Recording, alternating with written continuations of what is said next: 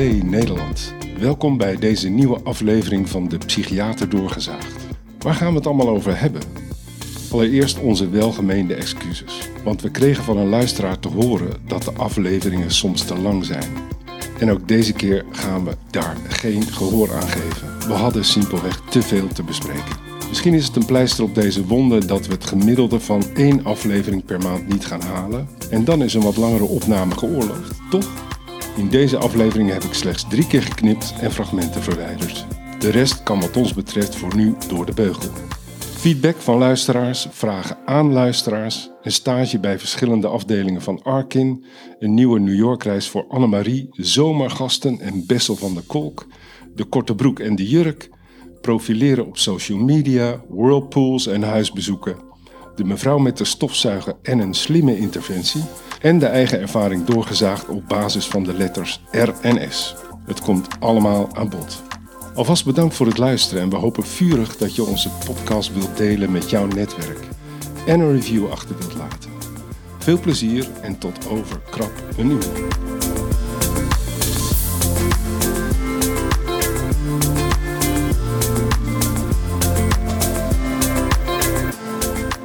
Hoe gaat het met jou eigenlijk, Annemarie? Goed, Rokers. Ja? Ja, Wat heb jij meegemaakt? dat heb ik meegemaakt. Jezus, nou, ik, ik ben viral gegaan. Je moet nu even je thee laten staan. Dan drinken we dat straks weer verder op. Want Ja. anders hoor je dat gesmek eh, Oké, in die microfoon. Is goed? Dus je mag er niet aankomen. Helemaal niet. Nee. Ik ben viral gegaan, Rokers. Ik heb een, eh, een Ja. post op LinkedIn gezet. Ja, dat heb ik gezien. En eh, die is bijna een miljoen keer bekeken. Een miljoen. Ja. Ja, dus ik was zelf eh, ook een beetje overdonderd. En meer iets van duizend commentaren erop. Dus die heb ik op een gegeven moment ook gestopt met lezen. Want En waar ging, waar ging dat over? Nou, dat ging over de eeuwenoude discussie de kleding op het werk. Ja, de korte broek. De korte broek. Ja, ik doe even de balkondeur dicht. Anders horen we dat geluid van die veerboot. Al die boot weer, ja. Nee, dus ik eh, zelf vind eigenlijk dat je, ehm, ja, hoe zal ik het zeggen, respectvol, ehm, weinig uitgesproken, netjes moet kleden als, als werknemer, Ja. eh, als hulpverlener, als behandelaar. En ik zelf, maar dat is misschien een ouderwets standpunt, ik vind dat mannen dus geen kor- korte broeken moeten dragen naar Ja. hun werk. Ja, nou je hebt aan mij een goeie. Want ik ben het helemaal met je eens. Ja, maar ja, jij bent ook van een bepaalde leeftijd. En als ik dit Nee. thuis met mijn kinderen bespreek, die vinden dat echt te zot voor Ja, woorden. maar ik kan heel makkelijk terug in de tijd gaan. Toen ik nog voor het Reap-team werkte. Mhm. En eh midzomer op de fiets eh, op eh, dakloze mensen achterna lopen. Nou, er waren een aantal mensen die kwamen dan in een korte broek. En soms nog veel erger. Dan hadden ze zo'n ritsbroek.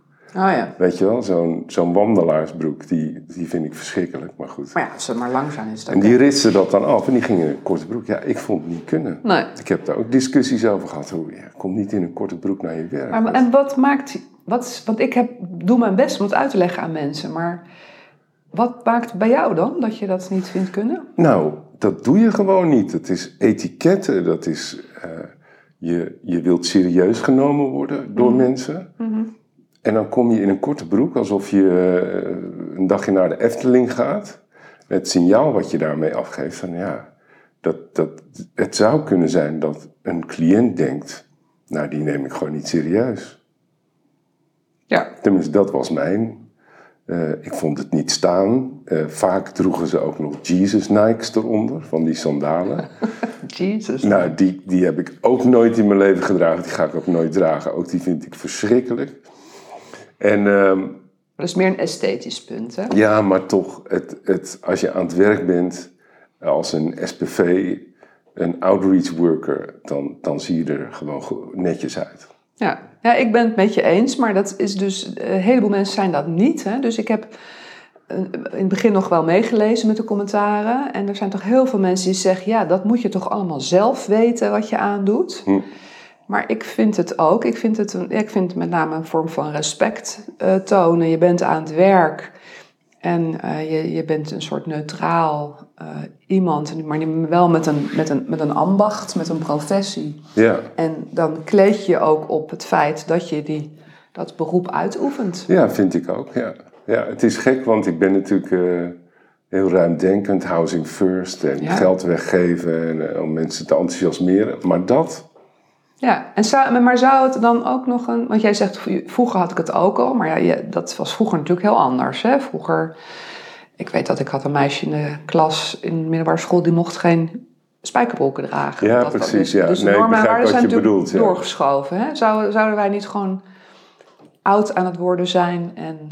nee, ik geloof er helemaal niks van. Nou, Het is niet eh, consistent. Hè? Dus je, je, je bent hulpverlener, je, je hebt met serieuze zaken te maken, mensen Ja. die in ernstige problemen ervaren. Ja. En dat neem je serieus door eh, een houding aan te nemen die daarbij past. Nou, een korte broek past daar helemaal niet bij. nou, en, ma- en mag een vrouw dan wel een rok aan? Nou ja, dat, ja, tuurlijk mag Want dat, dat. is natuurlijk het argument, hè? Jullie vrouwen kunnen wel een rok Ja, aan. nee, dat, dat mag. Maar ik denk ook dat je als vrouw bij na moet denken... op wat voor effect heeft dat op de mensen met wie ik spreek. Ja. En, eh, want dat, dat rokje kan natuurlijk net iets te kort zijn. Opwaaiend Martin Bril zomerjurkje. Nou, daar kunnen cliënten van allerlei eh, ideeën en gedachten aan ontlenen. Wat, wat eh, in mijn praktijk wel eens gebeurd is. Ja. Ik bedoel, cliënten kijken naar ons Ja. al, ook als een soort rolmodel. Ja. Die denken, goh, je hebt mooie blauwe oorbellen, die zou ik ook wel willen, waar heb je die gekocht? Dus eh, het is onzin om te veronderstellen dat dat voor mensen niet uitmaakt als je een korte broek hebt, want het maakt veel uit, ja. denk ik. Nou ja, dan zijn wij het op dit punt eens. Wat een leuk, een miljoen keer bekeken Ja, en ja. eh, heb je nog prijzen gewonnen daardoor? Nee, dat niet. Maar ik, dat, werd dus, dat wordt dan opgepikt hè, door best social media. Dus Ja. het is een soort sneeuwbal die maar verder doorrolt. Het werd geloof ik door LinkedIn ook uitgelicht. Hè, Ja, precies. heet, LinkedIn en Facebook. En dan, dan heb je een soort... Dan, dan rolt het door. Hè? Dan stijg je natuurlijk Ja, verder precies, door. daar qua- gaat het, eh, ja, daar gaat het de hele wereld over. Ja, en ik, ik zelf, nou ja, ik probeer mijn eh, doelen dan een beetje beperkt te stellen. Ik denk het is in ieder geval goed als men er met elkaar over in gesprek gaat. Dat Ja, vind ik nou, al dat- heel erg mooi. Ja, Eh, en dat iedereen gewoon zijn mening daarover kan geven. En dat je met elkaar, ja, eh, daar iets over kan afspreken. Over ja. hoe je vindt dat je eruit ziet. Maar wat vind jij dan van die jurk? Kan het niet? Een jurk Ja? bij mannen? Nee, ja, dat kan ook, maar, Eh, maar bij, bij vrouwen. Nou ja, Laten denk- we daar eerst bij vrouwen nee, beginnen. ik, ja. ik, ik denk als je het hebt over je, je kleed je respectvol en je, je, hè, je bent als behandelaar, eh, eh, vertegenwoordig je, je, je, je beroep en je professie en je ziet er netjes uit, dan vind ik dat een vrouw een rok aan kan. Maar ja, dan moet je natuurlijk wel opletten dat het niet een minirokje is. En, Ja. en een blote buik kan ook niet. En een diep uitgesneden decolleté kan ook niet, wat mij betreft. Ja, Hè, dus de- de- ja, en ook een t-shirt met een doodshoofd erop. Of al dat soort dingen. In ieder geval bij de groep mensen waar wij mee werken. Dat moet je niet doen. nee. Nee, ja, het is wel Beetje bijzonder. saai kleden eigenlijk misschien. Ja, misschien Saai, wel, hè. Een beetje Steve Jobs, gewoon zwart. Zwarte, zoals ik nu Ja. ook, zwarte t-shirts. Ja. Ja. Iets waar mensen niet iets Niet aan kunnen ontlenen. ontlenen. Ja, ik was er ook altijd heel eh, beducht op. Op de centrale richtdienst waar we toen elkaar hebben leren kennen, droeg ik altijd cakey broeken en witte overhemden volgens mij. Dat zou heel goed kunnen. Ja, ik zag heel anders uit toen. Eh, maar ik wist wel, ja, ik moet er gewoon goed uitzien. Als, ik- zeker als ik dan zo'n spreekuur eh, heb eh, de hele dag. Ja. Ja, dan, dan mensen komen bij jou met iets heel serieus. Ja. Ja, en ik denk ook als je collega's ontmoet. Of uit het veld. Of politieagenten. Of familieleden. Ja, Ja, het is toch... eh, ja. het is toch, ja, you never get a second chance. Nee, precies. Je wil dat de deuren voor je open gaan. Dus Ja. nou ja, ik, ik ben me er altijd van bewust over Ja. hoe, je, hoe je kleedt. Ik bedoel, Ja. in Frankrijk, waar ik woon, daar heb ik korte broeken elke dag. Dus daar interesseert het me niet zo. Ja. Maar misschien is het goed om, misschien als mensen het echt niet met ons eens zijn. En ik ben ook wel benieuwd als mensen luisteren die, ja, die opgenomen zijn geweest, wat die ervan vinden. Ja. Van hoe verpleging zich kleedt, hoe dokters zich kleden of als je iets in zorg bent. Ja. Wat maakt het voor jou iets uit hoe iemand eruit ziet? Ja, dus we doen eigenlijk bij deze een oproep. Ja. En mensen die nu opgenomen zijn of misschien ooit uh, in klinieken hebben gezeten of bij RIAX hebben gelopen of weet ik veel wat. Wat vind jij van kledingvoorschriften? Ja, hoe moet je behandelaar eruit zien en hoe per se niet? Ja. Dus ja. maken wij ons er vooral heel druk om? Maakt het voor de cliënten helemaal niet uit? Ik weet het, ja. Ja. Dat zou dan ook grappig zijn natuurlijk. Ja, ja het viel me wel op. Uh, je bent je meer aan het uh, profileren op social media. Is dat, ik vroeg me af of heeft het met deze podcast ook te maken dat je daar meer open over wordt? Want je hebt een verslag gedaan van een heel bijzonder huisbezoek ja. uh, bij een cliënt, waarbij je geheel tegen alle verwachtingen in en ook misschien etiketten uh, een maaltijd voorgeschoven ja, zal ik daar iets over vertellen? Dat is misschien wel leuk, hè? Ja, vertel meneer, maar. Ja. Meneer die al een aantal jaren bij ons in behandeling is, bij mijn vakteam. En ja, bekend met chronisch paranoïde, psychotische ideeën, gedachten, banen. En um, daar is een aantal jaar geleden wat slechter mee gegaan. In ons idee, want die, nou, die ging ook wat meer drugs gebruiken, dus werd achterdochtiger. Er ontstond een soort crisis. We waren ook echt wel bang dat hij uh, ja, dingen zou doen die echt onhandig zouden zijn. Ja. Dus toen uh, heb ik op een gegeven moment een crisismaatregelbeoordeling aangevraagd. Toen hij na een aantal weken of zo weg zoek geweest te zijn weer opdook. Nou, die werd niet afgegeven met de afspraak met hem dat dus een depot weer zou nemen. Hè, depot antipsychotica. Vervolgens heeft hij dat depot nooit meer genomen en is hij nu ja, in een staat van chronisch uh, achterdocht. Ja. Heeft daardoor ook zijn werk verloren, want uh, ja, zijn medewerknemers, die verdenkt hij ook van alles. Ja. Um, maar het is verder niet zodanig dat ik, uh, ja, zeg maar, hem, dat ik, dat ik iets kan aanvragen qua dwang of opleggen. Of. Ja. Het voordeel is, hij zit in een woning van HVO Querido, hè, onze beschermd wonen partner. Dus we hebben wel afgesproken met HVO Querido van we willen wel het contact met hem kunnen onderhouden. Ja. Dus dat is voor, hebben zij ook met hem besproken. Je kan hier wonen, maar dan moet je wel het contact onderhouden met het vakteam. Dus we kwamen wel over de vloer. Dus dat was in het begin was dat best lastig. Was hij gewoon behoorlijk boos op me. Wat ik me ook kon voorstellen. Jij hebt mij dat depot laten nemen. Ja. Nou, hè. Um, maar goed, op, op een gegeven moment werd het wel wat rustiger. En uh, ik hoorde van de nieuwe woonbegeleider dat zijn, uh, het huis met, waar hij met een huisgenoot woont er echt zo geweldig uitzag. Hij vertelde zelf dat hij een, uh, soort whirlpool aan het bouwen was in de tuin.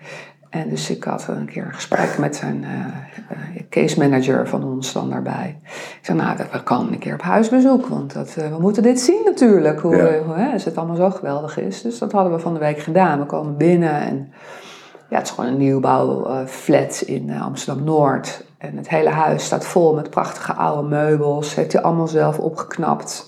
Er hangen allemaal schilderijen aan de muren. Alles gevonden bij het grof vuil. Geweldig. Dus hij maakt geregeld een rondje. Totaal gerecycled huis. Een geheel gerecycled huis. Achter een tuintje van, nou wat zou ik zeggen, drie bij vijf.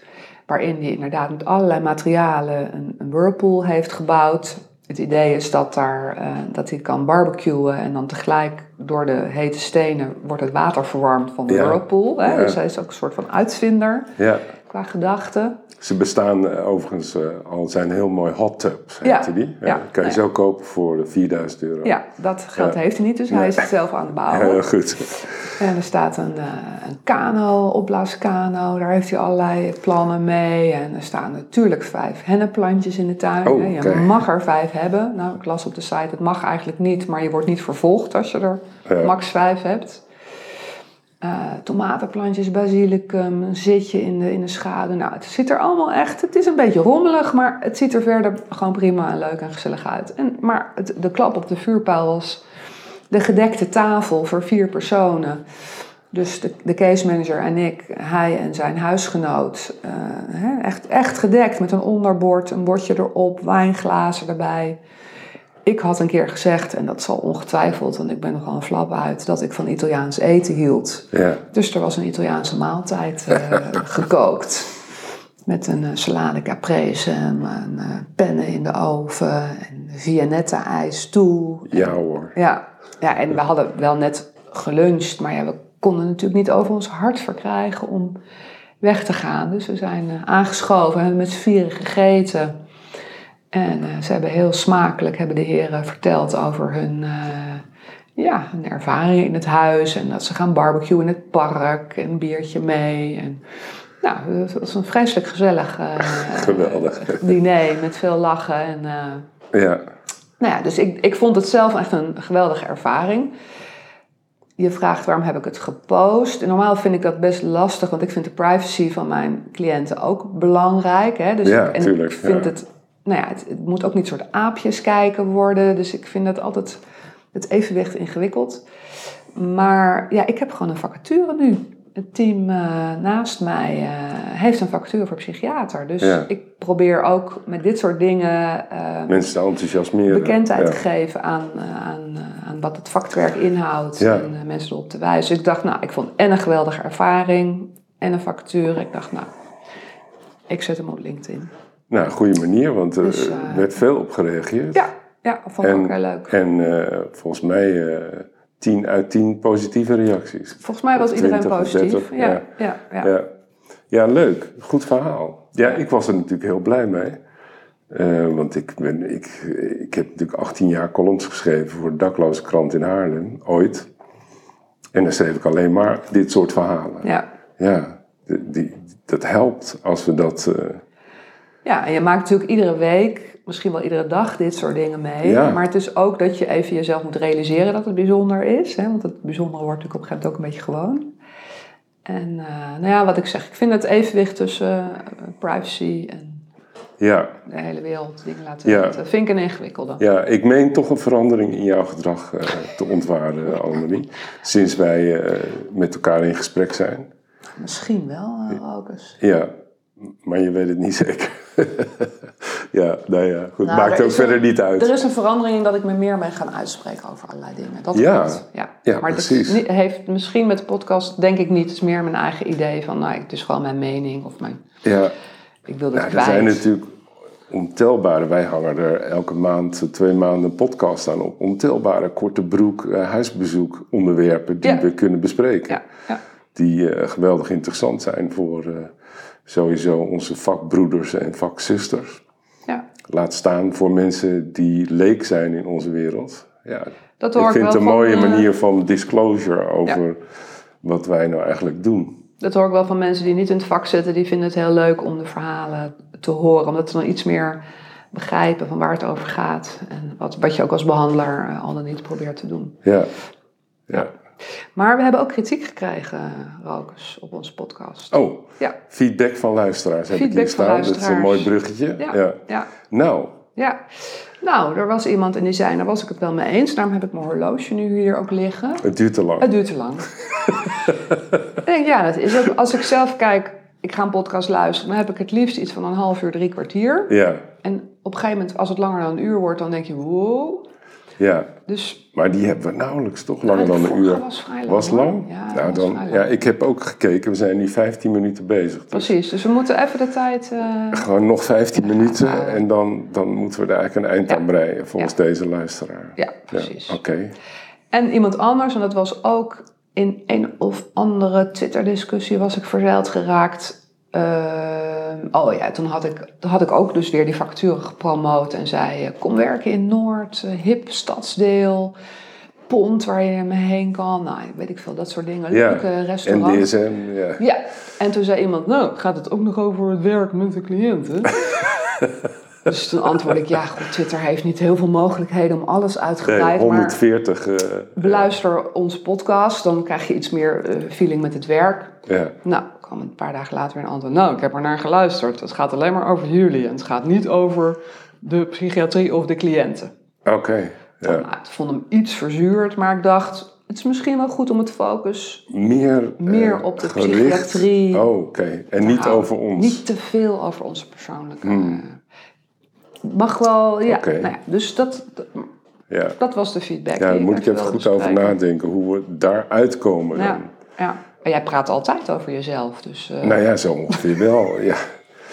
Eh, nou, dat is ook weer niet waar. Dat vind ik nou onaardig dat je dat zegt. Is het zo? Ja, het zou best kunnen. Maar we moeten ons die kritiek te harte nemen, Ja, nee, ik, toch? ik dacht, het, het- het- we moeten goed de, denk ik, de focus erop houden. Het gaat over de psychiater, de psychiatrie. En dat we alle onderwerpjes daar wel aan proberen te linken. Ja, ja goed. Maar dan, dan helpt het toch als we beter ons huiswerk doen. Ja, Want zeker. ik had jou gevraagd om naar Ja. zomergasten te kijken. Ja. Bessel van de Kok. En je, je komt dan terug met de mededeling... Ja, dat duurt veel te lang. Eh, dat is inderdaad zo. Drie uur. En als je dan nog de, eh, de keuzefilm bekijkt, is het Ja. nog langer. Ja. Maar ehm, ja, dat was een geweldig interessante avond. Eh, en als je het dan hebt over onderwerpen die niet over ons gaan. Nou, dit is er één. Ik heb wel Van heel veel mensen erover gehoord. Maar ik, ik, sorry, ik vind zomergasten, ik trek het niet zo lang. Ja. Nee. Nee, het was wel een bijzondere aflevering. Vertel, wat vond je er bijzonder aan? Nou ja, eh, die man heeft natuurlijk geweldige boeken geschreven, onderzoeken gedaan. The Body Keeps the Score. eh Mhm. eh, Traumasporen heet dat boek in het Nederlands. En ehm, ja, enerzijds wordt hij aanbeden en anderzijds wordt hij verguisd. Ik geloof dat er de dag voor de uitzending in de zaterdagkant weer een heel stuk van, van drie andere specialisten stonden die het allemaal geneuzel vinden, wat hij roept.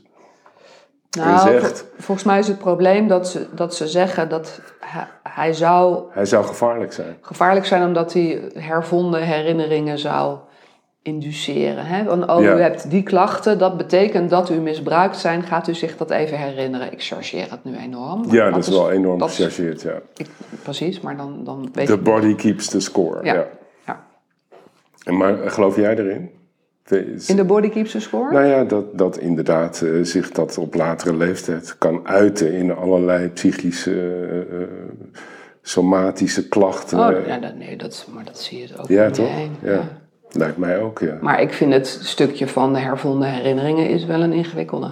Dat is een hele, Ja. dat is een lastige. Ja, ja ik heb in de, nog in mijn B-pleegstage een stage gelopen in de kliniek van professor Bastiaans. Die eh, natuurlijk veel eh, mensen met, eh, LSD. ja, pentotal heette dat Oh, geloof ik. Ja. Dus al een verzwakte vorm van LSD. Die daar veel getraumatiseerde mensen behandelde. Traumatiseerde mensen behandelde. Ja, was een aparte ervaring. Ja, ik geloof er absoluut wel in. Ik bedoel, ja, ik wil hem ook niet. eh, ik, ik, ik, ik zag wel in de reacties op die uitzending. heel veel ervaringsdeskundigen er heel blij mee waren. Mensen die zelf van alles hebben meegemaakt. Dat hij. eh, hij is toch een soort goeroe geworden. Ja. En eh, nou, dat is natuurlijk hartstikke fijn, want eh, voor veel mensen werkt het. Maar het- zal niet voor iedereen werken, zoals maar weer blijkt uit de andere kritieken. Nee, Ja. maar ik denk dat je. Ik, ik ben namelijk een enorme binge-luisteraar geworden van de podcast Napleiten. Oké, En dat is een juridische podcast. Die Ja. gaat over. eh, die wordt door een, een advocaat, Christian Vlokstra, en een journalist. En die hebben iedere keer een advocaat die vertelt over een zaak die voor hun eh, heel eh, pregnant in hun leven is geweest. oké. En dat ging ook één keer over iemand in een vechtscheiding, waarbij de vader werd beschuldigd van seksueel misbruik van de kinderen, waarbij de kinderen daar al, opeens allerlei herinneringen aan hadden, wat later, hè, wat blijkt dat door de manier van ondervragen en dat er in een gezin heel veel over gesproken wordt, dat mensen dan, hè, dan, dan gaan er toch dingen ge- geconstrueerd worden die eigenlijk Oh ja? niet waar lijken te zijn. Ja, ja. Hetzelfde als dat in andere afleveringen, dat vond ik ook heel bijzonder. Weet je natuurlijk wel, dat als je mensen die zijn volkomen onschuldig, maar die worden drie dagen lang in een verhoorkamer neergezet. Ja. En die krijgen allerlei bewijzen voorgeschoteld. Althans, ze zeggen dat er bewijs... Je staat op camera dat jij dat hebt gedaan. ja. We hebben allemaal getuigenverklaringen dat jij het hebt gedaan. Je had wat gedronken, ja, ja, ja. Op een gegeven moment zegt iemand na de derde dag... ja, dan heb ik het misschien wel gedaan. Heb ik het gedaan. Ja. Als u dat zegt. Onder grote druk van. eh, ja. Ja. ja. Precies. Ja, nee, ik heb ooit met mijn vader, eh, die veel te vroeg is overleden. Die woonde toen in Engeland, voor de derde keer getrouwd. Met een Engelse vrouw. En ik had heel veel herinneringen aan mijn jeugd, niet de allerleukste. En toen had ik een soort eh, afspraak met hem gemaakt. Ik ga je brieven schrijven. En dan ga ik die herinneringen in opschrijven. Want ik weet niet meer of ze kloppen. En eh, na drie brieven kreeg ik een brief terug eh, dat hij wilde stoppen. Zei, "Nee, ik, ik, ik, kan, ik kan er niet meer tegen. Ik zeg, "Eh, hoezo? Ja, ze kloppen allemaal, zei hij. Alles wat je geschreven hebt, klopt. En ik was er heel blij mee, want The Mind Plays Dirty Tricks. Ik dacht, nou, ik heb misschien een hoop verzonnen, uh, aangedikt. Uh, ja. Maar dat was niet het geval. Ja. Nou, het was wel jammer omdat uh, ik niet verder kon met exploreren van wat er nou allemaal gebeurd is. misschien mijn, een van mijn zussen appte mij een week geleden dat ze een brief van mijn biologische moeder had gekregen, gericht aan haar en aan mij, waarin ze heel veel geschreven had over wat ze heeft meegemaakt met mijn vader. En ik zei tegen mijn zus, ja, ik wil die brief niet lezen, want ik mm. heb er afscheid van genomen, dat hele gedoe.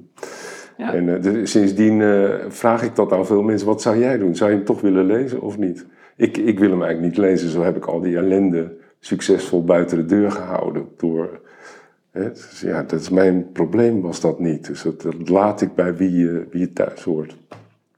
Maar goed, dat gaat natuurlijk ook bij die best van de kolk. Ja, er zijn lopen gewoon heel veel mensen rond met allerlei trauma's. Die, ja, ja zeker. Maar, maar eh, herinneringen zijn beïnvloedbaar. Ja, nou ja, dat, geloof ik absoluut. Dat geloof ik absoluut. ja. ja dat, dat dus, uh, nou ja, wat ik al zei, the mind plays dirty tricks. Ja, maar dat, dat mensen er uh, A, psychische klachten van overhouden, B, lichamelijke klachten van overhouden, daar ben ik van overtuigd. Ja, dat, uh, dat is absoluut zo. Nou goed, het moet minder over ons gaan, het moet korter, nog meer? Nee, dat, was, was het. dat was het een nou, beetje. valt op mee. Nou, goed, dus blijf feedback geven, zou ik zeggen. Toch? Ja, precies. Veel meer dan we nu krijgen eigenlijk. Ik heb ook eigenlijk...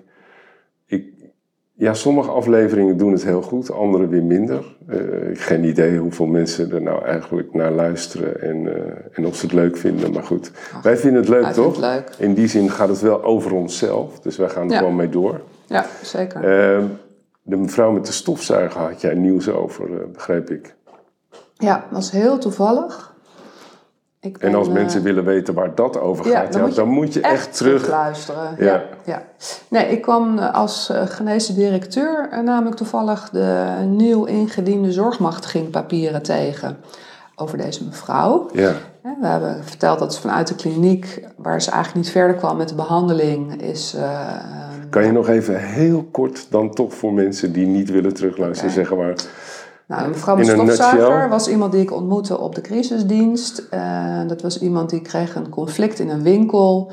Ze was teruggegaan met de stofzuiger, deed ik niet. En ik heb heel erg lang uh, nagedacht tijdens die beoordeling: is het nou gewoon iemand met een lastig karakter? Of is er toch meer psychose onder? Ja. En eigenlijk op grond van het sociaal functioneren, hè, dus baan kwijtgeraakt, woning kwijtgeraakt, ruzie met iedereen, Plus een moeder die zei, ja, maar zo, zo is ze normaal niet. Dat ik toch dacht, ik ga toch een crisismaatregel aanvragen en ik laat haar opnemen. Ja. En in de kliniek bleek mijn vermoeden ook wel juist. En dan met name was het een, een, uh, een psychisch probleem en in stemming en in psychose. Hè? Dus dat betekent dat iemand op een zeg maar nare, vervelende uh, stemmingen krijgt. Ja toornig noemen we dat. Geïrriteerd, bozig. Narrig. Narrig, en, maar dat vanuit ontregeling. Nou, dat is het in nutshell. Dus ze, ging, ze ging met ontslag. Um, ze had huisvesting gevonden. Um, wat ik las in de, in de zorgmachtigingpapieren gebruikte ze nu geen medicatie. Maar werd er dus in de zorgmachtiging wel gevraagd: we willen wel graag contact met haar onderhouden. Ja. En ze had ook eerder uh, collega's ernstig bedreigd. Ja. Ja. Uh, van eerdere opnames uit. Dus ik, wat ik erin las was, het gaat haar redelijk goed. Ze heeft haar leven weer opgepakt, gebruikt geen medicijnen. Nou, dat is natuurlijk prima, zolang het je ook eh, goed, ook goed gaat. Ja. maar er is wel een soort vangnet van een vaktteam omheen met een zorgmachtiging. Hè? Dus zodra het begint te ontsporen en ja, ze weer dreigt heel veel dingen kwijt te raken. Dan, kunnen ze haar gewoon opnemen. ja. er opnemen. Ja. Dus ja, eindgoed, al goed weet ik niet of je dat moet zeggen. Maar ik dacht, misschien is het wel een mooi moment om de story van de mevrouw... Ja, nee, zeker eh, wel mooi. Af te sluiten. Geen medicatie, het gaat best goed. Ja. En, en uh, die zorgmachtiging, wanneer moet dat weer beoordeeld worden? Nou, dat is de eerste keer, is dat zes maanden duurt die. En als je die wil verlengen als behandelaar, dan kan die weer voor twaalf maanden verlengd worden. Ja. En dan moet je eigenlijk omdat het zo'n ongelooflijk bureaucratische procedure is, moet je al drie maanden voor het aflopen moet je gaan nadenken of je hem verlengt en Ja, de verlenging al aanvragen. En dat betekent dat je die mevrouw regelmatig moet gaan bezoeken. Ja. Want je moet je er een mening over. Die Ja. mevrouw voelt dat natuurlijk. Ja. Oh, ze komen eh, even checken. ja, maar je hoopt natuurlijk ook ondersteuning te kunnen bieden. Hè? Dat stuk Ja, nee, dat twee begrijp kanten. ik. Je probeert ook Ja. wel wat positiefs te bieden. Maar is het niet zo in de praktijk dan dat in die tussenliggende periode, waar, waarin eh, deze status quo die jij nu benoemt, geen medicatie, het gaat best goed, ze redt zichzelf, dat dan de interesse vanuit de GGZ afneemt? En ze denken, nou ja, het gaat, gaat goed, dus... eh, ja, dat ligt natuurlijk aan ik de mensen. probeer ook een beetje terug te halen van mezelf, hè, die ervaringen eh, die ik ja. had, hoe dat ging toen. En dat je dan gaandeweg de, de nadering van die, van die datum, dat je weer moet beoordelen of die zorgmachtiging erop moet blijven zitten of niet, dat je dan het contact intensiveert en wat dat dan betekent voor cliënten. Voor de cliënt. Nou ja, Want ik zou je vertellen wat ik nou meteen dacht, net toen je dat vertelde. Ik zeg, hoe, ik zou het dan een geweldige interventie vinden om naar die mevrouw toe te gaan en te zeggen, nou mevrouw, u gebruikt geen medicatie, het gaat best goed, u redt zichzelf. We hebben besloten om die zorgmachtiging op te heffen. Mhm. Wat dat betekent voor zo'n cliënt. ja. Dat zou toch, ja, Ja. denk ik dan, therapeutisch gezien een Ja. geweldige... Zeker. Ja. Dat, dat is ook zo en ik, dat doen we ook regelmatig. En het is ook dat je een beetje het vertrouwen moet hebben dat het in de nabije toekomst niet ontspoort. Nee, maar dat, dat door die machtiging op te heffen, doe je dat. En je zegt eigenlijk indirect, nou we hebben zoveel Ja. vertrouwen in hoe u het doet. Dat is namelijk wat Housing First teams in New York deden. Hè? Dus die kregen dan mensen aangemeld voor Housing First. Die eigenlijk heel. eh, housing readiness bestaat niet voor een goed Housing First team. Dus iedereen wordt aangenomen. En als ze machtiging hadden, ze, zodra ze de eerste stap in het kantoor deden en de sleutel overhandigd kregen van hun huis, werd die zorgmachtiging opgeheven. Ja. Zeiden ze, ja, daar hebben we hier helemaal niks aan, want we doen hier alles uit vrije wil. Ja. Nou, het effect op die mensen was grotesk. Ja. Fenomenaal. Maar je gaat me niet vertellen dat niemand is teruggevallen. Ehm, nou, dat kan ik je wel vertellen. Eh, want in elke grote stad genereert het 85% succespercentage. Dus Ja, voor 15% 15%. werkt het niet. Dus daar Maar ja, en, eh, Clemens moet mij wel rokers. Clemens, Clemens. Clemens Bernhard. Clemens Bern, ik ga je verwarren met Clemens. Ja, precies. Dat vind ik wel lief dat je dat doet, want ik mag hem heel graag. Ja, rokers. Daar, maar je kan ook wonen in je housing first en af en toe terugval hebben en weer terugkomen in je housing first, toch? Ja. Het is toch geen Ze laten je niet los, nee. Nee, nee, Nee, absoluut Nee, niet, maar nee. kijk, Het ligt een je- beetje aan hoe lang het duurt, maar dus stel dat je ja, eh, zes maanden, twaalf maanden geen huur eh, betaalt omdat je opgenomen Ja. bent, zullen ze misschien je spullen opslaan, maar zodra je eruit komt, eh, een goed Housing First team, krijg je gewoon een nieuw huis. Ja. Kijk, het probleem, en ik ben het helemaal met je eens, en wij, ik verleng heel regelmatig machtigingen niet. Ja. Het is het liefste wat ik doe. Ja. Maar ik heb ook een heleboel mensen waarbij je dat doet en die een jaar later helaas toch weer, want het gros Ja. verdwijnt uit beeld. Ja, hè, maar dat mag geen reden zijn om, eh, om mensen eh, te veroordelen tot verlenging van zorgmachtigingen, Nee, nee, nee. terwijl het juist goed gaat. Goed, hier hebben we een discussiepunt. Het gaat Angst over... is een slechte raadgever. Nee, maar het gaat niet om angst. Het gaat erom of je voldoet aan de criteria om een zorgmachtiging aan te Ja, vragen. ja, ja, ja, ja. Verwacht Ja. jij ernstig nadeel op grond van een psychische stoornis? ja. En heb je Maar daar ik zorg denk anders. nodig? Ik verwacht een ernstig voordeel op het moment dat je, eh, als het redelijk goed gaat met iemand, zegt, nou we heffen hem op. Dan verwacht ik een geweldige boost in het zelfgevoel van deze cliënt. Dat Dat, is althans mijn... eh, Ja, maar dan vergeet je de hele groep cliënten die zelf vindt dat er niks met ze aan de hand nee, dat, is. dat begrijp ik ook. Die ja. ogenblikkelijk stoppen met hun medicatie Ja, ja. en die gaan ontregelen. Maar het geldt heel veel mensen die, die in de veronderstelling leven dat er niks met ze aan de hand is. En toch stroken onze ideeën niet met die van hun. Dat, dat, En dat, ja. mag, en en dat mag ook, want dat Ja. laat ik je zien aan het verhaal van het diner. Ja, nee, die meneer precies, die, die heeft geen verplichte zorg, die heeft geen Nee. zorgmachtiging. Nee, En daar gaat het naar omstandigheden redelijk. die bouwt zijn eigen hand Die bouwt zijn eigen, precies. Dus eh, wat, wat wij doen is wat je ziet als mensen wel iedere keer heel psychotisch worden. Hun huis helemaal vervuilen, volstoppen, muizen, kakkerlakken, ja, maden. Ik ben niet gek, hè? Ik, ik weet. Precies, dus, de, dus die mensen, er zijn, is een klein clubje, ook bij mijn vakteam, ik zou zeggen man of drie, vier, man, vrouw, drie, vier, vijf, die is vanuit het diepste van hun wezen het oneens met onze visie. Ja. En ook met onze visie dat ze medicatie moeten gebruiken. Ja. En ik ben bij iedereen, want ik heb het ook nog als onderwerp opgeschreven, ik ben bij iedereen altijd bereid om medicatie af te bouwen. Ja. Vind ik prima. Sommige mensen zeggen ik doe het, maar dan wil ik wel uh, de, de bescherming van de zorgmachtiging erbij hebben. Ja. Dat mocht het minder gaan en jij, hè, we hebben nu een goede samenwerking, maar doordat het minder gaat, uh, verbreek jij de samenwerking. Wil ik wel kunnen voorkomen dat je weer helemaal afglijdt en Ja. je gezin meesleept in alle narigheid. Ja. Ehm, maar er zijn, is een klein clubje mensen waarvan je zegt, nee, dat, dat kan Nee, gewoon niet. ja. Nee, dat begrijp ik. Maar ik, ik, ik hoop ook dat jij begrijpt dat, dat ik graag die, het omdraaien. En Ja, vanuit de cliënt wil bekijken wat het doet met iemand als je een zorgmachtiging op hebt. als je ja. iets totaal onverwachts doet. Ja. Ja. Als je de, de, de, de verwachte opstelling van je, van je behandelaar eh, ziet kantelen naar Ja.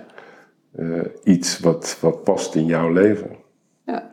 Nou ja, maar dat, ja, dat, dat, dat snap ik met je. Ja, we zijn al over het half uur, Ja, eh. Dus, en we zijn, ja, dat moeten we eigenlijk stoppen nu. Dat gaan we niet doen, want je hebt nog eh, stage bij Arkin van mij. Ja, Ja. dat is ook even een terugkoppelingetje. Ja, precies. Ja, want jij was heel kritisch over Ja. eh, wat er in de klinieken gebeurt en daar kreeg ik dan weer kritiek op. Daar kreeg je natuurlijk kritiek over. En toen heb ik gezegd, nou dan moet ik gewoon Tom. gaan kijken Ja, en weer dus meelopen. toevallig van de week heb ik eh, twee collega's gesproken. Eén die, eh, die is manager van een, van een opnamekliniek. Ehm, Ingrid, ja, ook wel bekend. En eh, die zegt... Van de Schaaf. Ingrid van Schaaf. Ja. En die zegt, nou, laat hem maar komen. Hij kan zo een paar dagen meelopen. Ja. En ik heb Rembrandt Aarts gesproken. Die is manager van de herstelondersteunende vervolgklinieken. Zo heet dat dan met een mooi woord. Waaronder bijvoorbeeld Rijgersbos en Sporenburg vallen. Ik zeg, ja, ik- het lijkt me goed voor rokers om en de opnamekliniek te zien... maar ook juist de klinieken waar mensen langer durend verblijven. ja, Dus je bent ook van harte welkom daar ben ik ook welkom. Op Rijgersbos of Sporenburg... Ja, om daar een paar dagen mee te kijken. Nou, dat is geweldig. Dus het is aan jou of je het aandurft. Nou, ik durf het zeker aan. Ik ben vanaf 10 november eh, woon ik weer in Nederland een tijd. Dus eh, ik ga dat plannen. Ik ga jou een mail sturen met hun in de cc. Ja. En dan moet jij maar met hun dan zet ik contact mijn leggen. dagen vast. eh, zodat ik daar alvast naar uit kan kijken. En ik ben heel benieuwd. En ik heb ook tegen hun gezegd dat jij een zeer kritisch man bent. Dus eh, we verwachten ook helemaal geen eh halleluja verhaal. Maar Nee. ik denk dat ze ook juist blij zijn als jij eh, kritische feedback geeft. Ja, ja. En mag ik er ook wat mee doen dan, wat ik daar meemaak? Bijvoorbeeld hier bespreken? In Dat onze, lijkt wel. Zonder nou naam en toenaam Nee, te ik- noemen? zodra het om de privacy gaat van Ja, de nee, dan wordt bewoners, het, eh, is eh, dat een stuk eh, no-go. Precies, ja.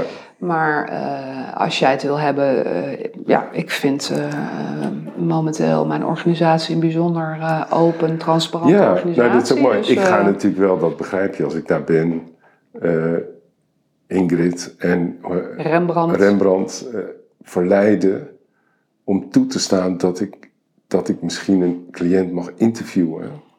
Lijkt me leuk, ja, nou ja. want dat is natuurlijk interessant. ja. Dan gaat het niet over mij, conform de wens van deze luisteraar, maar over Ja. iets anders. Ja, nou geweldig, dankjewel. Het lijkt mij eh, een mooie eh, Ja, ervaring.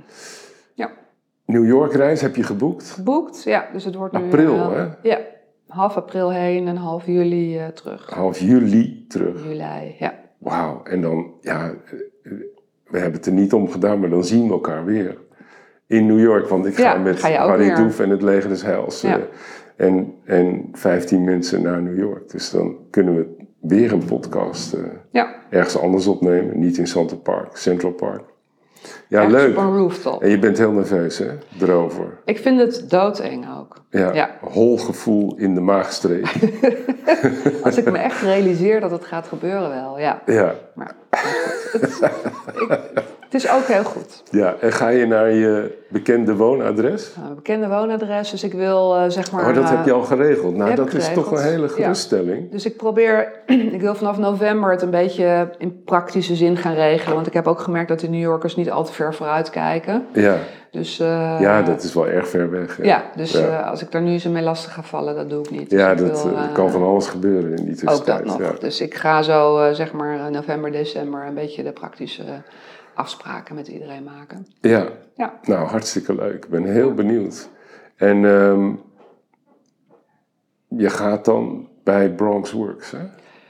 Uh, dat is, ja, dat is, dat is, dat is de enige dat die... is de enige die, maar die ander heeft gezegd van bel maar op het moment, ook, toch? Ja. Uh, ja. bel maar op het moment dat je weer, dat Ja, het dichterbij is. Die volgende Hij jaar is van om- weer omhoog geschoten in eh, de rankings van dat Oké. bedrijf. Ja, hij is weer eh, executive nog wat geworden. Geweldig. Ja, dus eh, Ja. ja, hartstikke leuk.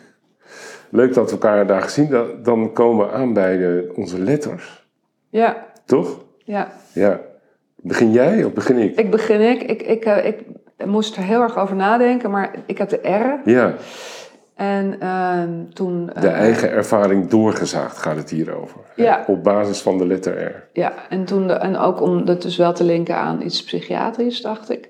Nou ja, ik, toen dat moest ik aan de centrale RIAG-dienst denken. Ja hoor. En toen dacht ik, wat heb ik daar nou... Wat was voor mij de meest openbarende ervaring? Ik had een jaar... da- Daarvoor had ik een jaar eh, gewerkt als arts, arts, niet een opleiding, op ehm, Langeveld heette dat. De oude BAVO-terrein in Noordwijkerhout. Daar werkte ik op beschut wonen. Ja. Dat waren een aantal huisjes waar vijf mensen in woonden. eh, met een begeleider. En ehm, dat was heel serieus. Dat werk werd heel serieus genomen. Dat, dat is natuurlijk heel goed. Ja, Ehm, daar werkten mensen die daar al heel erg lang werkten. En daar werd vergaderd meerdere malen per week, waar ook alle politieke besluiten over de GGZ uitgebreid werden besproken. Dus ja, ik vond het werk op zich, SEC met de cliënten, heel erg leuk. Maar ik vond het met de collega's best wel ingewikkeld. Het Ja. was allemaal heel serieus. ja. Nou, voel je misschien al waar ik heen wil. Toen kwam ik bij de centrale RIAG-dienst Ja. en toen werd er keihard gelachen aan het ochtendrapport over een casus die werd besproken Ja. en wat er was meegemaakt. ja. Ik herinner me nog een assistente die inmiddels gewoon in de raad van bestuur van een groot ziekenhuis zit, die hikkend van de lach vertelde over een man die een gat aan het graven was in de grond en helemaal onder het zand zat toen zij hem beoordeelde. En ik vond dat zo'n, het was voor mij zo'n opluchting dat je ook met elkaar kon lachen, ja. ook over alle narigheid die ja. je hoorde. En het was niet uitlachen, laat Nee. ik dat even heel duidelijk zeggen. Nou ja, dat is wel goed om dat erbij te zeggen. ja. Echt, het werden niet, cliënten, mensen werden niet uitgelachen, maar er werd gelachen om de absurditeit Kolderikiteit van... eh, van de situaties. En dat haalde ook, want we zagen de meest verschrikkelijke dingen, de meest heftige dingen. En dat haalt, het is ook een manier van om ermee om te gaan. Dat zal iedereen herkennen die op eerste hulpen werkt, of Ja. op heftige afdelingen. Je moet ook Ja. een soort uitlaatklep hebben om... En toen dacht ik, wauw, dus dit kan ook in de psychiatrie. Ja, Nou wil ik echt psychiater worden. ja. Oh, wat grappig, ja. Dus dat, Ja, want eh, ik, ik luister naar... Ik zat natuurlijk ook bij dat ochtendrapport. En eh, ik lachte mee soms. Want het waren ja, bizarre dingen die we allemaal meemaakten op straat. En, eh, ehm, maar ik besefte altijd wel... Nou, hier moet niet iemand naar gaan luisteren. Buiten deze kamer. Je moet niet iemand daar helemaal zomaar vreemd bij zetten, Nee. want dan kan het een hele rare indruk. Ja, nee, absoluut. Ja, ja. Ja. Ja. Ik, ik, het is grappig dat jij die overgang benoemt. Ik benoemde toen ik stopte eh, daar de overgang naar eh Rood, wat nu bij Arkin hoort. Hè, daar heb ik een jaar gewerkt tot ze failliet gingen. En dat was natuurlijk eh, bijna 100% eh cliëntgestuurde instelling. Nou, dat was een totaal andere ambiance. Daar was het not done om dat te doen. Mhm. Trouwens, bij het VIP-team ook niet. Het was ook heel serieus. Ja, dus, en en daar, daar heb ik toen wel weer geleerd, ja, de- de- het, we moeten dat eigenlijk niet doen. Om op die manier, ook al is het een manier om zeg maar, de stress van je af te, schudden. Ja. ook begrijpelijk hè, dat het zo werkt, want we maakten bizarre dingen mee die heel moeilijk te plaatsen waren eigenlijk in, in mensen die, die, die ja, die niet gebukt gaan onder psychiatrische symptomatologie. Het is begrijpelijk, maar het is ook wel nou, misschien is het ook iets om aan de luisteraars voor te leggen. Ja. Wat vinden jullie daarvan? Ja, precies. Ja. Doen jullie dat ook? Doen jullie dat ook als we hulpverleners zijn? Ja. Of misschien cliënten ook die zelf om dingen moeten lachen, ik weet het niet. Ja. Ja, nee, dat heb ik ook al meegemaakt. Cliënten die zelf moeten lachen om hun gedrag toen ze ja. uh, in een manische episode zaten of een psychotische. Ja. Dus dat, ik, eh, ik, breng hem in, ik, ik snap de gevoeligheid en ik, eh, ik, ik ben ook. Ik snap ook jouw standpunt daarin, maar het, het was voor mij een. Het vak was heel zwaar en heel serieus. En ik voelde er daar lichtheid in komen. Dat vond ik heel. Ja. Nou ja, wat ik er lastig aan vind, uh, ik, doe, ik heb er helemaal geen problemen mee, maar je, je, je, komt wel eens in een gesprek terecht waarin je voelt mensen net de grens overgaan. Dat je denkt, nou, dit kan eigenlijk niet meer. En dan, dan, dan uh, kan ik me nooit inhouden. Dan moet ik er wel iets van ja, zeggen. Ja, maar dat is toch ook oké. Ja. Laten we dat vooral blijven doen. Ja, precies. Ja, ja ik had de S. Mhm. En uh, ja, seks ligt natuurlijk voor de hand. Maar daar ga ik het niet over hebben. Uh, want uh, ja, ik zou eigenlijk niet weten wat ik daarover moet zeggen, eerlijk gezegd. Maar het schoot ineens in mijn hoofd net. Essence. De S. Zit er zeker twee keer in. En uh, dat is een training die ik gedaan heb uh, in, uh, hier in Amsterdam. Dus zo heet die instelling, Essence. Volgens mij bestaan ze nog steeds. En, en dat deed ik op het moment dat het gewoon niet zo goed marcheerde in mijn leven. Ik moest iets gaan doen om te zorgen dat het, dat het goed bleef gaan met mij en mijn dierbaren. En ja, dat, dat was een training. de eerste, ik heb er drie gedaan zelfs daar. En de eerste was met 80 mensen in een zaal, uh, vijf dagen lang. Van s ochtends 10 tot s nachts 1 uur of zo. Jezus. Ja, het was echt gewoon hardcore. Uh, is het een secte? Nou, dat zou je denken, maar dat, ja, dat is niet zo. Maar het, ik zou me ook voor kunnen stellen dat er mensen zijn die dat gedaan hebben, die dat denken. Dat het een, een secte is. Maar goed, je kon er vrijelijk in en uit gaan. Uh, en uh, je, je, kon ook stoppen met de training, wat ik na dag één overigens dacht. Uh, want ik was, ja, ik was doodsbang voor dat soort dingen. Maar wat gebeurde er dan? Nou ja, dat, het is een training waarbij je gewoon in een dag of twee, drie flink afgepeld wordt. Als je dat wil trouwens. Hè. Dus alles gebeurt op vrijwillige basis. Um, dan wordt er namelijk altijd heel netjes gevraagd, wil je iets delen? Je zit met 80 man, nou ja, je kan 80 man in vijf dagen kan je niet... Uh, uh, um, behandelen. Ja, behandelen, zeg maar, laten we het maar zo noemen. He, dus het gebeurt heel erg op vrijwillige basis, maar het zijn alle hele confronterende oefeningen over. En de, mensen komen daar met allerlei bagage. En als je slim bent, dan bespreek je dat. Nou, de eerste dag was ik helemaal niet slim, want ik dacht vooral, nou, die, die gasten, die trainers, ik ben doodsbang voor die gasten, die, uh, die maken me helemaal stuk. Dus op dag twee uh, uh, werd ik huilend wakker. Ik zei tegen mijn vrouw, ik ga niet meer terug. Ik, die kerel maakt me helemaal kapot. En zij zegt, ja, nou ja, zie maar wat je ermee doet. Ze mij daar uh, zelf maar mee worstelen. Dus ik belde die man op en ik zei, kom niet meer. Hij zei, oh, wat is er aan de hand? Ik zei, nou, ik ben als een dood voor jou en uh, ik zie het helemaal niet meer zitten. en hij zei, mag ik je een vraag stellen? Ik zei, ja, dat is goed. Denk je uh, dat als je komt, dat je doodgaat? Toen zei ik, nou, dat denk ik niet. Hij zei, nou, kom dan gewoon. En, uh, en, toen ben ik er weer teruggegaan. Toen heb ik me vier dagen helemaal erin gestort. En het was het beste wat ik ooit had kunnen doen.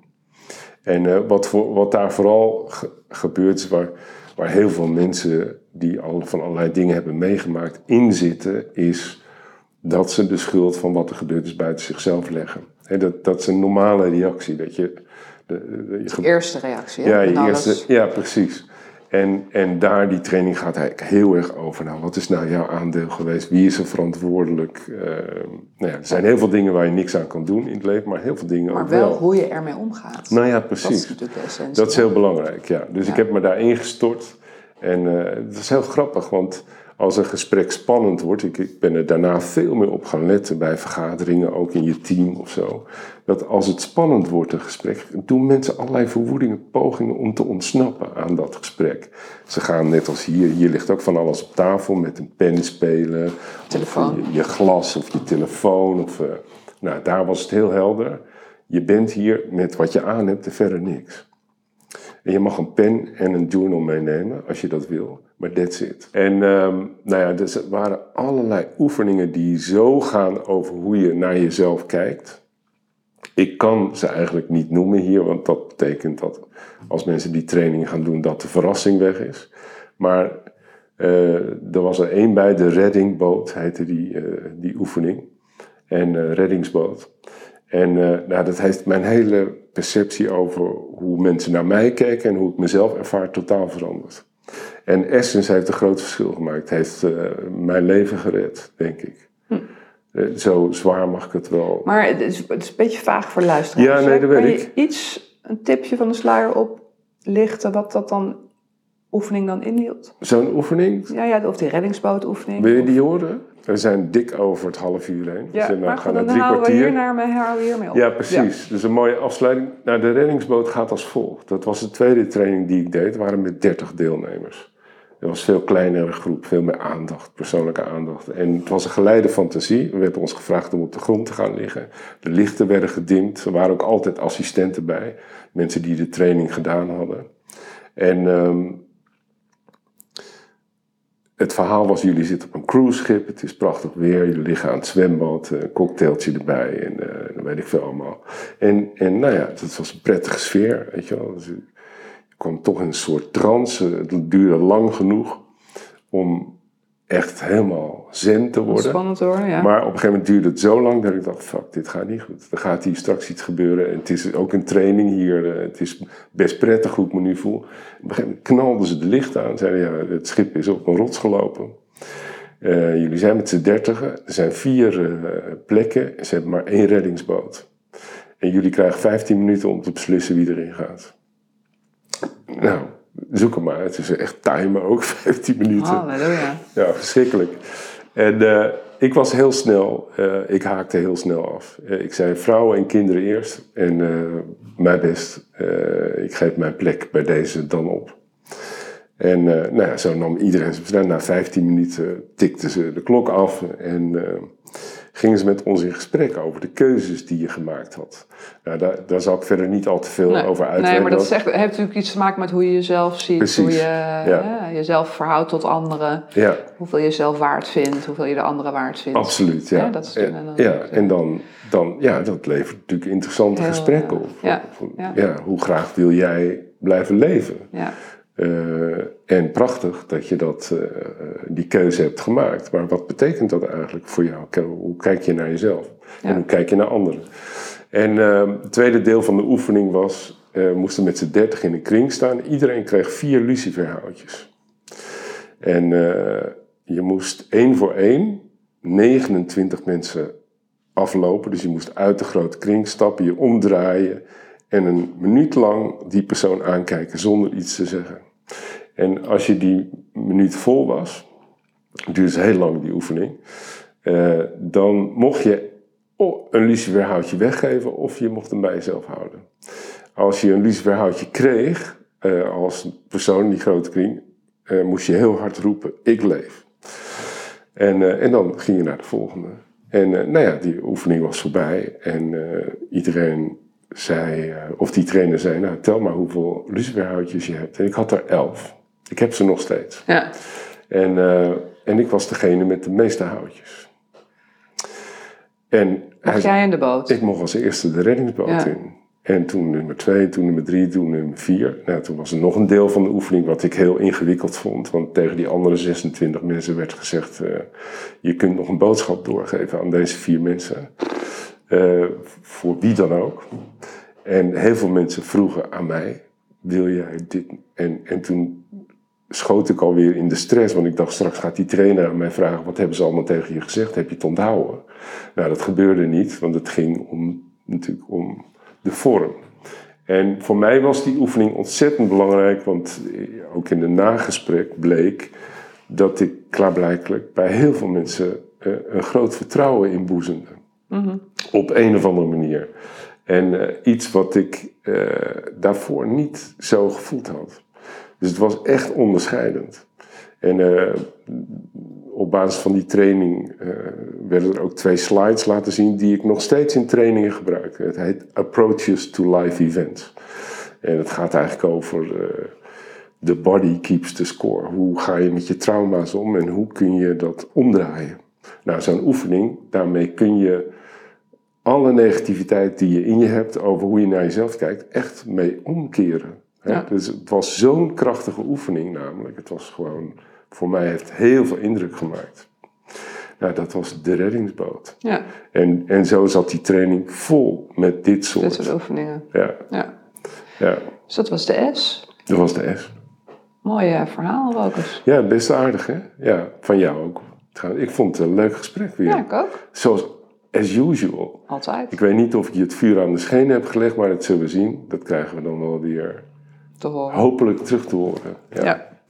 Dus. En jij succes op je reis uh, volgende ja, week? Ja, uh, morgen naar Noorwegen met negen verpleegkundige specialisten. Oh, acht, want één heeft corona. Ja. En wat ga jij, heb jij nog verder iets uh, in het verschiet? Natuurlijk, gewoon weer jezelf profileren op social ik ga, ja, media. Zal ik dat beloven? Ik ga ja, mezelf weer profileren. Gewoon zoeken naar een onderwerp waarmee je gewoon jezelf weer in de kijker zet. Ik ga mijn best doen. Het past niet zo bij mijn uh, karakter om dat zo op social media te doen, maar ik zal mijn best doen. Een miljoen hits, hè? Ja, geweldig, hè? Ja. Het gaat je goed de komende maand. Jij ook. Tot dan.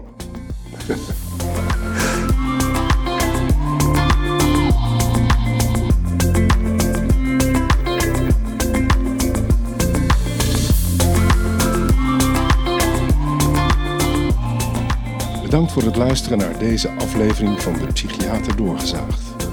We helpen op vragen van jullie kant. Je weet wel, die vragen die wij in deze podcast gesteld hebben. Wat vind jij bijvoorbeeld van een korte broek aantrekken naar je werk? Enfin, wij maken ons op voor de herfst, de winter en hopelijk snel een nieuwe aflevering. Met daarin onderwerpen die niet over ons gaan, behalve onze eigen geleefde ervaring dan. Tot horens en nogmaals bedankt voor het luisteren.